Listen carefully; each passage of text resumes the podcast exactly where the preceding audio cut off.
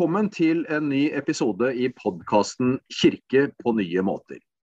I dag så skal temaet være religionsteologi, altså hvordan vi tenker om andre religiøse tradisjoner. Og med meg i dag så har jeg Anne Hege Grung, som er tilknytta Teologisk fakultet på Universitetet i Oslo. Velkommen, eh, Anne Hege, og takk for uh, muligheten til å være med på en samtale. Tusen takk for invitasjonen. Kan ikke du først si litt om uh, hvem du er? Jeg nevnte Universitetet i Oslo, Teologisk fakultet. Ja, uh, jeg jobber på Teologisk fakultet på Universitetet i Oslo. Og her er jeg professor i interreligiøse studier. og to av de tingene som jeg har jobbet aller mest med eh, de siste årene, det er eh, for det første å etablere et eh, nytt masterprogram som skal gi det vi kaller for chaplaincy-utdanning, men også mangfoldskompetanse inn i både tros- og livssynssamfunn for de studentene som ønsker seg kompetanse på det, og for folk i um, omsorgsyrker, omsorgsyrker bredt forstått, som ønsker uh, mer man mangfoldskompetanse. Mm. Og Grunnen til at vi etablerte dette studiet, er jo rett og slett for å gi muligheten til folk som ikke er medlem av Den norske kirke, til å ta, uh, bli kvalifisert på universitetsnivå um, uh, for å kunne um, gå inn i, i stillinger knyttet til dette. Mm. Og så har jeg jobbet med eh, åndelig omsorg, eh, åndelig og eksistensiell omsorg, i et eh, pluralt perspektiv. Før det så jobbet jeg også mye med kjønn og kvinner og interreligiøs dialog. Og etter jul så skal jeg vende litt mer tilbake til det i et litt større forskningsprosjekt mellom de baltiske land og Norge, der vi ser på hvordan, hva skjer med forståelsen av kjønn um, når samfunnet blir mer plurale. Mm. Og det, Den bakgrunnen din er jo selvfølgelig også en uh, viktig bakgrunn for det som er tema nå. Hvordan vi, uh, hvordan vi, tenker om, forholder oss til andre religiøse tradisjoner. Um, og Utgangspunktet er jo uh, rett og slett en sånn eh, bekreftelse eller stadfestelse av at religiøs eh, pluralisme det er noe som kjennetegner eh, vår tid. I løpet av de siste tiårene så har verden gjennomgått endringer av både kulturell, demografisk og geografisk karakter som er uten sidestykke i historien. Vi er blitt et globalt fellesskap. Og Det merkes på det internasjonale plan og i de fleste lokalsamfunn, også i Norge at mennesker med ulik religiøs tro, og mennesker uten religiøs tro, må på andre måter enn før forholde seg til hverandre. Det betyr jo ikke at religiøs eh, pluralisme er noe nytt. Eh, teologer som eh, Harold Cobboard, Oddbjørn Leirvik, de er f.eks. opptatt av at religiøs pluralisme alltid har vært der, og at alle religioner oppsto i og på avgjørende måter ble preget av religiøst pluralistiske sammenhenger. Men denne situasjonen da, eh, aktualiserer jo også spørsmålet om hvordan vi teologisk ser på andre religioner, og hvor langt vi kan gå i å anerkjenne andre. Og En eh, norsk teolog som Noto Telle f.eks., han hevder at religionsteologi representerer en særlig utfordring for kristne, og er et nøkkelspørsmål i kristen selvforståelse. Fordi at kristendommen har gjort Jesu liv, død og oppstandelse til selve grunnlaget for frelsen, og derfor har en iboende eksklusivitet som religionsteologien ikke kommer utenom.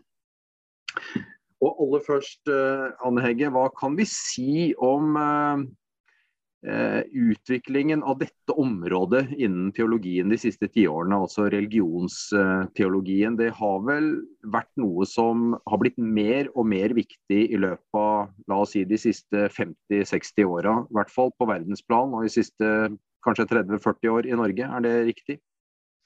Ja, jeg tror at det vi kan kalle for, for kristen religionsteologi har blitt viktig. Men, men den, det er jo et, et fag og et fagområde som, som stør, står i en større kontekst også. Og jeg tenker jo at det som er veldig tydelig, er jo at den tros- og livssynspluraliteten eh, som eh, eksisterer f.eks. i Norge nå, og, og, og, i veldig mange land i Europa, um, som også øker. At samfunnet blir stadig mer plurale. Eh, det stiller nye krav til kristen teologi, det stiller nye krav til kirken. Eh, og det stiller nye krav til eh, samfunnet og til kirkenes plass i samfunnet. Mm. hvordan skal vi bruke vår når vi er en majoritet, hvordan skal vi forvalte den majoritetsposisjonen f.eks. Det er noe Den norske kirke har vært veldig opptatt av de siste årene. Um, og det er bra. Og det er klart at det har jo um, teologiske Både um, teologiske impulser som, som, fører til dette, og det får også teologiske konsekvenser. Men jeg tenker Eh, religionsteologien, eh, eh, den kristne religionsteologien som handler om hvordan, hvordan kristendommen, eller hvordan vi som kristne skal forholde oss til andre religioner, er jo på en måte stiller jo spørsmål som er viktige, men også på sin måte å begrense det. Eh, fordi vi kunne jo også spurt hvordan eh, ser andre religioner på oss? Mm. Og det er jo det eh, vi gjør når vi går uh, litt mer inn i det vi kan kalle for interreligiøse studier, der fokuset er uh, mer på det relasjonelle. Og uh, der vi også har bidrag som ikke starter i kristen teologi, men i ehm, buddhistisk filosofi, islamsk teologi, um, um, sekulærhumanistisk uh, refleksjon, filosofi osv. Mm. Fordi det er jo da det blir relasjonelt, når man kan møtes mer likeverdig. Og samtidig så trenger kristen teologi et sted hvor vi kan um, um, så å si trekke oss litt tilbake og si hva betyr dette for oss, hva betyr det for vår tro. Mm. Um, så vi trenger begge deler, men jeg tror vi trenger den koblingen mellom det. Fordi vi kan ikke lenger drive kristen teologi isolert. Uh, vi kan ikke trekke oss tilbake og bestemme oss for hvordan vi skal se på de andre og se på verden. Vi er nødt til å være en del av mangfoldet selv. Mm. Mm. Betyr det at, vi, at, dette mye har vært et uh, sånn uh, hva skal vi si, skrivebordsanliggende, uh, på en måte, hvor vi har, vi har, tenkt for mye på dette uavhengig av de andre, og at vi nå beveger oss mer i retning av å tenke sammen, eller? det ville være Eh, det er synd at skrivebordsteologi og skrivebordsarbeid blir brukt som et nedsettende eh, uttrykk, egentlig. fordi er det noe vi trenger, så er det godt skrivebordsarbeid og, og god skrivebordsteologi. Men det ville ikke være riktig å kalle det for skrivebordsteologi, fordi Um, uh, flere av de du nevnte i stad, uh, i, i, den norske konteksten, Notto Telle, Oddbjørn Leirvik, uh, de har jo hele tiden jobbet med teologi mellom uh, folk um, og skrivebordet, for å si det sånn. Mm. Og, og, derfor så, så, er ikke det en riktig um, beskrivelse, men jeg tror at dette spørsmålet om hvem som blir frelst, f.eks., mm. som, som tidligere var et hovedspørsmål i, i hvert fall i luthersk kristen teologi, um, det spørsmålet har, um, har forandret seg. Um, og det har forandret seg også i takt med de mange møtene uh, mellom, mellom folk fra forskjellige tros- og livssynssamfunn. Fordi jeg hørte en gang en det var en, en uh, engelsk prest som sa jeg kan ikke sitte og ha dialog med noen og samtidig tenke at de havner i helvete. Mm. Uh, jeg er nødt til å anerkjenne en likeverdighet her og la disse møtene prege min teologi og min forståelse av de andre. Mm.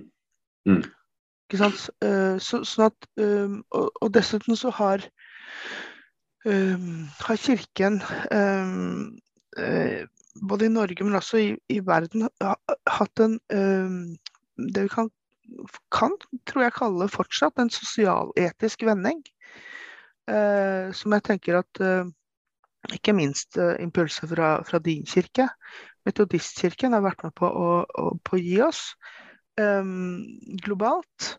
At én ting er spørsmålet om, om det evige, men eh, faktisk så er spørsmålet om de jordiske ting, eh, hvis vi skal eh, forbli et, eh, et, et, i et kristelig eh, språk, og spørsmål om rettferdighet, spørsmål om eh, menneskeverd, eh, spørsmål om likestilling, helt sentrale spørsmål i teologien. Mm. Mm. Ja, og da, da, er du inne på uh, uh, Jeg tror det som er en viktig, viktig utvikling, da. er det få som blir frelst? Det er jo et sitat fra Lukas 13. og forskjellige versjoner av det spørsmålet det var gans lenge ganske framtredende i den kristne teologiske refleksjonen om andre religioner. og Eh, nå er vi ikke lenger der at eh, religionsteologi kun omhandler dette spørsmålet. Men, eh, men det spørsmålet har jo gitt opphav til noen sånne ulike religionsteologiske posisjoner. Da. Vi snakker av og til om såkalte eksklusivistiske, inklusivistiske og pluralistiske posisjoner. Det er bl.a. posisjoner som uh, biskop Halvor Nordhaug var inne på i sin bok som kom ut var det i fjor eller forfjor, men hva med de andre? Er disse posisjonene eh, fortsatt tjenlige å bruke, tenker du? Og, og, kan du si litt hva som ligger i de? Det er et veldig godt spørsmål om de er tjenlige å bruke. Men, men de finnes der som referansepunkter, som du, som du, som du sier. og og det er klart at, um, at en uh, eksklusivistisk posisjon der, der, man eh, er opptatt av at, fra et kristent ståsted at, at, at kristendommen er, um, er, den eneste vei til frelse. Um, og så det inklusivistiske, hvor man da tenker at ja, for å karikere litt, at kristendommen er den beste vei til frelse, men det fins andre også. Mm. Eh, og så den pluralistiske, hvor man eh, tar utgangspunkt i at, at, frelsesbegrepet og det å oppnå frelse eh, er noe som kan skje eh, innen alle de religiøse eh, eh, verdenene eller, eller forestillingsverdenene. Um, Uh, og jeg leste nettopp en veldig interessant tekst av en kollega um, i USA som er, som er, professor og jødisk rabbiner. um, der hun, hun, skriver at Hun heter Rachel Mikva. Og hun skriver at det går an å være teologisk eksklusivist Og så være overbevist om at ens egen religion er den eneste vei til frelse. Og samtidig en religiøs uh, pluralist. Uh, altså at man um, um, også samtidig anerkjenner um, betydningen uh, av andre religioner og uh, respekterer deres verdi. Og det syns jeg er uh, Det blir en utvidelse av rommet å snakke om det på den måten, fordi det er klart at at for mange av oss som er opptatt av, eh, av det relasjonelle og av, av åpenhet, av, eh, av, ansvarlig religionsdialog, og at Kirken skal, eh, skal ta inn over seg at, at vi forvalter en stor maktposisjon, som vi også er nødt til å eh, dekonstruere til en viss grad, Mm. Eh, så er det eh, viktig at, at ikke man ekskluderer de som eh, har et teologisk eksklusivistisk standpunkt i kirken, men inkluderer dem i en intrareligiøs samtale. Mm. Um, og for vi vet jo det at de interreligiøse samtalene er ofte enklere enn de intrareligiøse samtalene, for der har vi forventning om å bli enige. Mm. Mens i en interreligiøs dialog så er ikke målet å bli enige. Um, og det er klart at um, religionsteologien kan, kan gi oss en del språk på noe og, um, og verktøy å tenke med. Men uh, det som har vært uh, den kristne religi religionsteologiens svøpe, har jo vært at man på sitt verste har trukket seg tilbake, og så har man sagt hvordan det er. Og da kan man bruke skrivebord i en negativ forstand. Mm. Ikke sant? At, uh, at, vi sitter her og bestemmer hvem er det som, hvem er det som har rett. Um, altså, vi har rett, uh, men på hvilken måte er det vi har rett? Mm. Uh, og, og det, det, er selvfølgelig en forferdelig banal oppsummering, men um, den gir oss ikke det rommet til å bygge de relasjonene som vi trenger å ha. Men på sitt beste så kan religionsteologien gi oss verktøy til å tenke med, og til, også til selvrefleksjon. Når du sier det du sier nå, så eh, bare kommer jeg til å tenke på eh, Samarbeidsrådet for tros- og livssynssamfunn har i samarbeid med KIFO eh, gjort en undersøkelse om det er noen sammenheng mellom medlemsorganisasjonene i Samarbeidsrådet, STL, sin posisjon er henholdsvis eh, eksklusivistisk eller inklusivistisk, og om det har noe eh, sammenheng med viljen til å være i en dialog og en relasjon til andre. Og der finner det ingen sammenheng, faktisk. Mm. Så det er, jo, det er jo en understrekning av det du sier, egentlig. Ja, det er, faktisk, eh, det, er det faktisk. Mm. Uh, og det er også veldig interessant. Um, fordi um, uh, jeg tenker at vi har også en utfordring i det plurale med uh, å anerkjenne forskjeller. for hvordan, hvordan anerkjenner vi forskjeller på en måte som ikke gjør at vi bygger hierarkier over disse forskjellene. Det er jo en av de store utfordringene. For hvis vi ikke anerkjenner forskjeller, men sier at det er det samme, så øver vi jo vold mot, uh, mot hverandre. Mm. og redusere hverandre. Redusere mangfoldet. og det er vel kanskje det som er den største Kanskje den største grøfta den største norske grøfta. Og på en måte rett og slett ikke anerkjenne forskjellene, eller, eller si at de betyr noe. Fordi mm. vi er, uh, vi er egentlig ganske harmonisøkende og ganske um, Ja. Jeg vet ikke om det er sånn lenger, men, men det er, at det er trygt å være like. Mm. Mm. Og litt skummelt å være forskjellige. Mm. Og, og, og um, dette med pluralitet, det tror jeg heller ikke er noe nytt. Men eh, det har ikke vært ønsket.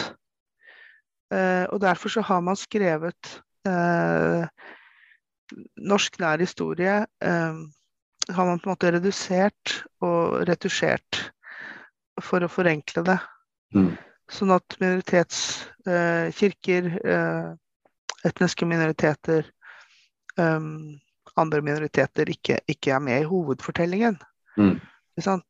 Um, men nå må vi tenke litt nytt om hovedfortellingen. Mm. Mm. Og, og, det du er inne på nå eh, eh, Egentlig de siste tiåra en sånn endring eh, både kanskje i spørsmålene som stilles, måten de besvares på, men også en økende interesse for liksom det konkrete, praktiske, erfarte. Kontaktene, bygging av relasjoner og sånn har blitt mye mer viktig. Og her eh, har jo du vært en eh, nøkkelperson i norsk kontekst i mange, mange år. Kan du ikke si litt om, litt om dine egne erfaringer, og hva som har vært viktige ting som har prega ditt forhold til andre religiøse, religiøse tradisjoner? Jo, det kan jeg veldig gjerne gjøre. Jeg har måtte stått i to hoveddialoger. Det ene er um, dialog med, um, med uh, buddhister i Norge. Um, og det andre er dialog med uh, muslimer i Norge. Og begge de to dialogene har preget meg på uh, forskjellige måter. jeg har lært veldig mye. noe av det mest dramatiske jeg opplevde i den kristne og muslimske dialogen, var i 2000, da uh, Lena Larsen uh, og jeg skulle uh, lansere en bok jeg hadde skrevet, 'Kvinner med og uten slør', um, om kvinner, kristne og muslimske kvinner i dialog.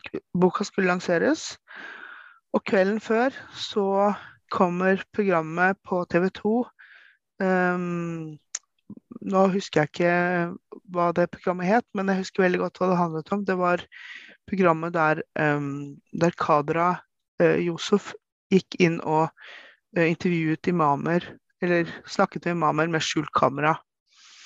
Um, hvor hun ikke fikk den støtten til å um, uh, til å unngå å bli omskåret som hun hadde håpet og, og som vi alle forventet. Mm. Og dette programmet uh, skapte jo et ramaskrik i hele Norge. Uh, du husker det sikkert du også. Mm. Mm. Og, uh, og, jeg um, det, det, jeg tenkte på første jeg tenkte når, når, når jeg så dette, det var at nå Dette går ikke. Nå trekker jeg meg ut. Mm. Dette kan jeg ikke være med på lenger. Og jeg var veldig sint. Og det jeg gjorde, var at jeg ringte til Lena og, og uh, sa til Lena at nå er jeg veldig sint. Dette uh, vil jeg ikke mer. Og da sa Lena ikke jeg heller. Hun var mm. like sint. Um, og det ble um, veldig, en veldig sterk lansering egentlig av den boka. Eh, fordi det som selvfølgelig gikk opp for meg, det er at um, noe så enkelt som å gå ut av en stereotypisk gruppetenkning. Altså De som er på TV, uh, må ta ansvar for det de sier og gjør der. Media må ta ansvar for hvordan de uh, rammer inn saker. Um, men uh, vi tar ansvar for det vi gjør. Mm. Og vi gir ut en bok.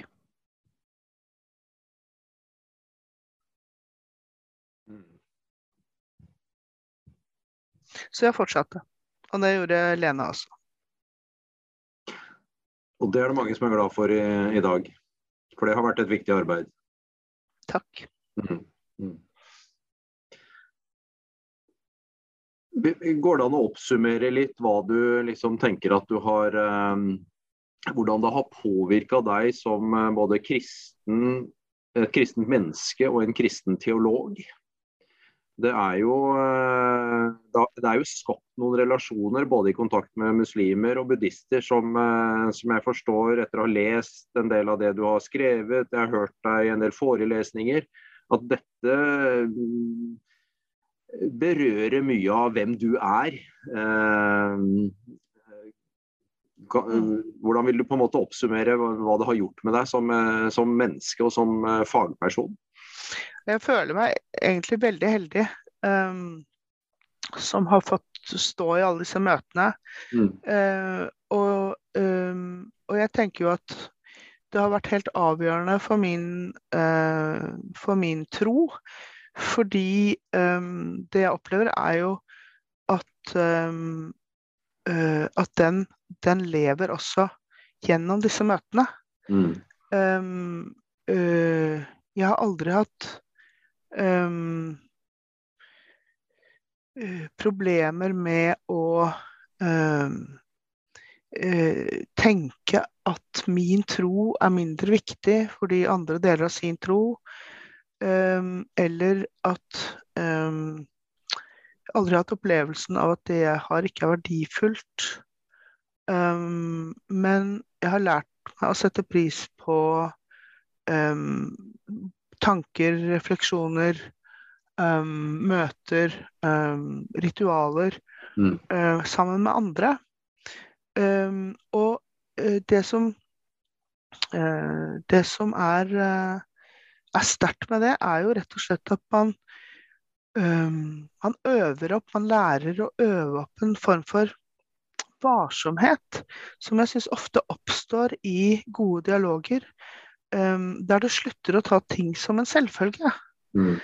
Um, og skjønner at du må spørre. Og, uh, og det skaper egentlig et, um, en, for, en, litt sånn forfrisket blikk, som man også kan ta med seg tilbake um, til, uh, til, sine egne sammenhenger. Uh, og så tenker jeg at jeg opplever også at Den norske kirke, som er mitt hjem, religiøse hjemsted, har gjennomgått en ganske stor utvikling på veldig mange områder de siste ti årene som gjør, um, gjør at den er mer åpen. Um, og uh, kan bli et sted hvor, hvor du kan uh, du kan være um, du kan være mer som du er enn uh, en jeg opplevde i kirken da jeg var yngre og var tenåring og sånn. Mm. Mm. Og disse to Det har også preget meg ganske mye um, og gitt meg veldig fornyet tro på, på Kirken som fellesskap, faktisk. Uh, og, det, uh, og, derfor så, så, føler jeg meg veldig privilegert som kan undervise prestestudenter um, på TF, og også undervise uh, mer sammensatte og plurale grupper. For i møte med studentene er, er, også en veldig viktig læringsarena for meg. Og det er også et sted for, um, for dialog. Mm.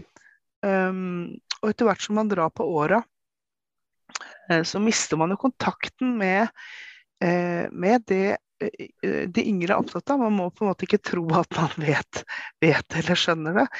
Så det er et veldig privilegium å få litt tilgang til det um, um, i, i, møte med, med studenter som, som, er yngre. Det er jo ikke mm. alle studenter som er det, noen er jo, er jo eldre. Og uh, nå studerer man jo i alle aldre, det er veldig flott. Um, men det er også med på egentlig å forme min uh, spiritualitet, undervisning. Mm. Mm. Veldig bra det du sier om uh, troen på Kirken som, uh, som fellesskap. og eh, Bl.a. fra økumeniske sammenhenger så har vi jo de siste åra fått veldig uh, tydelige tilbakemeldinger og oppfordringer om at en, at en oppriktig forpliktelse til både interreligiøs dialog, tverrkulturell kommunikasjon er uunnværlig hvis Kirken på en måte skal være tro mot sitt oppdrag osv. Uh, hva vil du si liksom, altså Én ting er eh, Oslo og storbyer. Eh, her i Østfold har vi noe som heter eh, Dialogforum Østfold og sånn. Det har skjedd ganske mange eh, ting i Norge de siste åra, også på den lokale kontakten og enkeltmennesker som blir kjent, blir venner på tvers av, eh, av religiøse tradisjoner. Eh, at det har vært viktig for, for oss alle. og Eh, og jeg tenker også at det er kjempeviktig for det norske samfunnet. Altså at dette er eh, ett av våre bidrag til å bidra og skape gode lokalsamfunn rundt omkring. Er du, er du Veldig enig. Jeg er veldig enig. Mm. Og jeg husker jo eh, altså jeg husker for på begynnelsen av 90-tallet, da jeg begynte å engasjere meg i eh, kristen dialog, da hadde jo vi som var uh, involvert i det, vi hadde jo oversikt over alt som skjedde. Mm. Um, og det er jo mange, mange år siden uh, jeg har vært i nærheten av å ha det. Mm. Uh, så, og det, det, er helt fantastisk at, at dette er um, Det har blitt veldig utbredt. Vi er jo noen som har reist rundt og, og utfordret um, i mange år eh, i lokalsamfunn, i menigheter, i, i kirken og, og, også utenfor kirken. Eh, så store, den store utfordringen nå tror jeg eh, er å få en forståelse av dette også utenfor de religiøse miljøene. Mm. Og på en måte få en uh, samtale i gang, um, ikke med Human-Etisk Forbund, for det har vi allerede, men med alle de ikke-organiserte. Mm. Alle de som ikke er invitert inn i disse dialogene. Hvilken plass har de? Mm. Um, det er en viktig oppgave framover. Men, men uh, at det skjer så mye på veldig forskjellige måter, det er, um, det er veldig flott. Og jeg, uh, jeg tenker jo at uh, det at folk rett og slett har mot til å gjøre det um, Hvis jeg har vært med på å bidra til å etablere en, den muligheten, så er jeg innmari glad for det. Mm. Jeg husker jo selv Jeg tror kanskje at det var noe av det som gjorde tidligst inntrykk på meg i uh, kristen muslimsk dialog, var på reise i uh, Israel-Palestina. Da jeg møtte kristne og muslimer på, i Betlehem, på Vestbredden, og skjønte hvor naturlig de var en del av hverandres kultur og liv. Mm. og da, da, skjønner du på en måte ikke sant, Når jeg møter da um, en eh, medarbeider i kirken der, eh, Viola Raheb, som sier at eh, det er klart vi feirer uh, Vi feirer også id. Uh, og vi inviterer alle muslimer til vår julefeiring. Ikke sant? Um, og det er helt naturlig for oss. Uh, og da jeg hørte det, så, eh, så syns jeg jo at det var utrolig vågalt. Og, og, og, um, og skjønte ikke egentlig at det var mulig. Um, men nå vil jo um, ja, store deler av norske kirke bare ta det som en selvfølge, at sånn, det er sånn man tenker. Mm. Da, og da tenker jeg at det har skjedd ganske mye. Mm. Men samtidig så må jeg si at faktisk etter 22.07 så var jeg i moskeen i Åkerbergveien uh, sammen med uh, nettopp en kristen og en muslimsk palestiner som da for første gang var i moské sammen i Oslo. Så eh, det går liksom Det går litt fram og tilbake. Mm. Men det er klart til de samfunnene som har hatt en, en plural religiøs befolkning i, i, i, flere årtusen, som, som uh, Vi har en del å lære av dem. Mm. Mm. Men vi har også lært en del. Altså vi, vi viser at vi, at vi greier å, um, å ta det til oss. Mm, mm. Sånn litt stort, stort, stort sagt, da. Jeg bor i Moss. Eh, det er jo ikke veldig stor by, men eh, forholdsvis stor by og ganske urban. Jeg har en datter som nå er 20 og som har gått på en sentrumsskole eh, her i byen. da. Uh, og særlig på ungdomsskolen, så, så, ble hun jo da eksponert for uh, veldig mange religiøse tradisjoner. og jeg må si jeg mange ganger har liksom vært imponert over hennes evne til å liksom håndtere de ulike tradisjonene. For der er det litt som du sier at uh, man, man, liksom omgås med den største selvfølgelighet folk med veldig ulike bakgrunner og tar del i feiringer i ulike sammenhenger osv. Og, så og håndterer det samfunnet på en, eh, på en helt uh, uproblematisk måte, egentlig. Altså. Og alle de relasjonene også. Så, sånn sett tenker jeg det er Det er mye håp i sånne opplevelser. Veldig mye håp. Og jeg har noen ganger tenkt på hva kommer de til å tenke om det vi gjør?